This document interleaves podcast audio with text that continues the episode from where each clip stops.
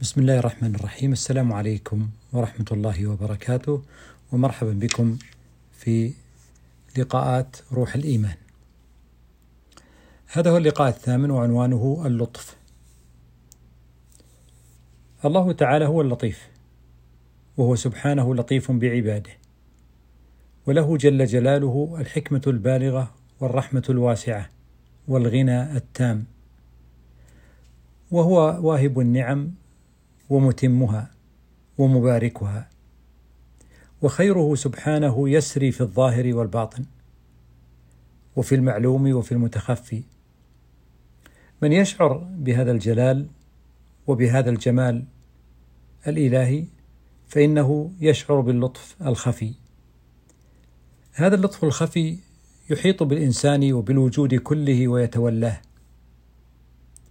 وتظهر له رسائل وتشرق له أنوار. ويشتاق الإنسان لحدوث هذا اللطف واقتراب وجوده.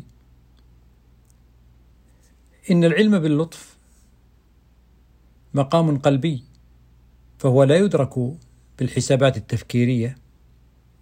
ومن هنا فعلينا أن يكون لنا دور مع ذواتنا في ممارسة وعي الأفعال القلبية. لأن الأفعال القلبية والأعمال القلبية أو أفعال القلوب كما يقال تعمل على نظام مختلف عن أعمال وإدراكات وحسابات العقول والأذهان. ولا يصح الإنسان أن يكون لديه مفاهيم وممارسات عقلية تفكيرية ولا يكون لديه ممارسات في وعي الأفعال القلبية. إن من يبدأ بممارسة وعي الأفعال القلبية ثم يمارس فهم الأدوات العقلية والذهنية. يكون قد تواصل مع النور والذي سيجد فيه أن اللطف هو مقامه الخفي القدسي. سيجد أن أن مقامه هو اللطف وهو مقام خفي قدسي جلالي جمالي. نحن عندما نعود إلى أنفسنا في السراء وفي الضراء ونبدأ ندرب ونعود هذه النفس على الشعور بقوة اللطف الإلهي.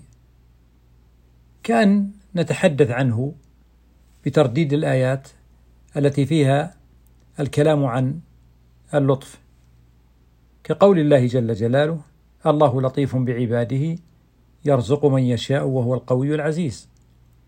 وكقوله جل جلاله لا تدركه الأبصار وهو يدرك الأبصار وهو اللطيف الخبير. وقوله ألا يعلم من خلق وهو اللطيف الخبير.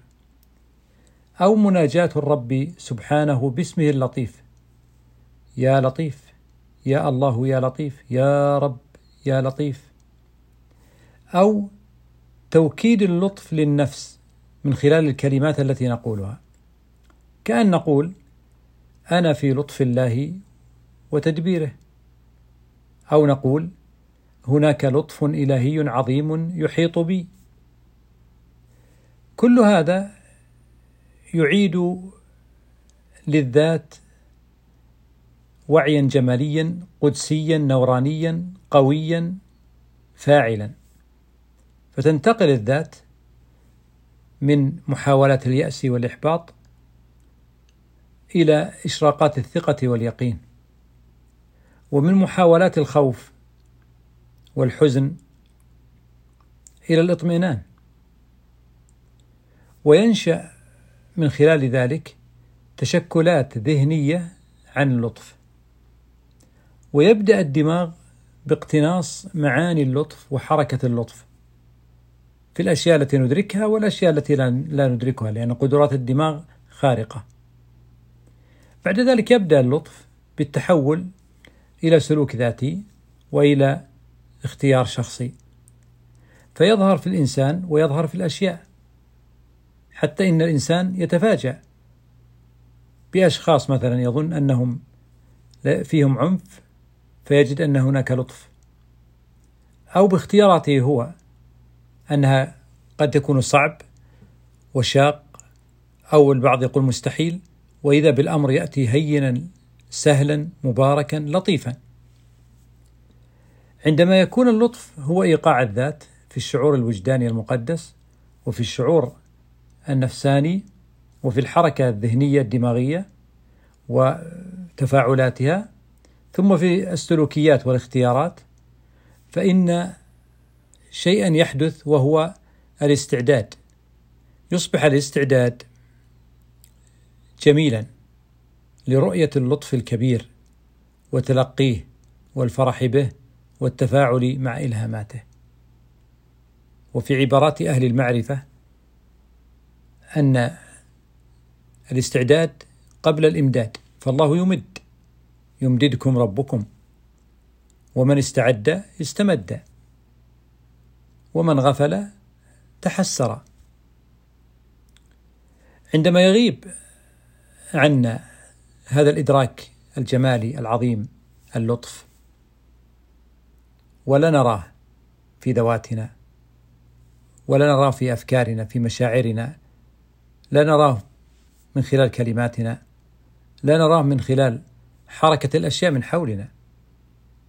حركة الأشجار وحركة الأنهار وحركة الحيوان وحركات كثيرة تمر بنا عندما يغيب عنا هذا الإدراك الذهني والنفسي والسلوكي حول جلال اللطف وجماله فما ما الذي يحدث؟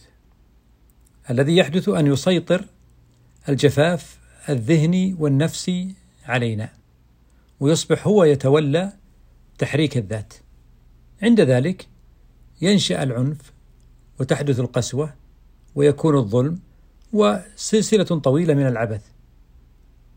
اذا نحن جميعا بحاجة إلى تجلي معاني اللطف وتحريكه كثقافة ذاتية ومجتمعية حيث سيعمل اللطف على بناء التواصل وبث روح السعادة ويساعدنا على التشافي والراحة. ابدأ أنت كحالة فردية بتقديس اللطف والتحدث لذاتك عنه واختياره كأساس لكل حركتك في ذاتك وفي حياتك. وأيضا يكون الإنسان محتفيا بآثار ونتائج اللطف. وحتى لو لم تجد لطفا مبادلا لك فيكفيك أنك في القداسة والنور وما عليك إذا اختار غيرك أن يكون في الدناسة أو في الظلمة فلك راحتك وعليه شقاؤه. والله يهدي من يشاء. يا أيها الذين آمنوا عليكم أنفسكم لا يضركم من ضل إذا اهتديتم. أسأل الله سبحانه وتعالى أن يباركني وإياكم باللطف وتجلياته وأنواره ونلتقي بإذن الله تعالى. والسلام عليكم ورحمة الله وبركاته.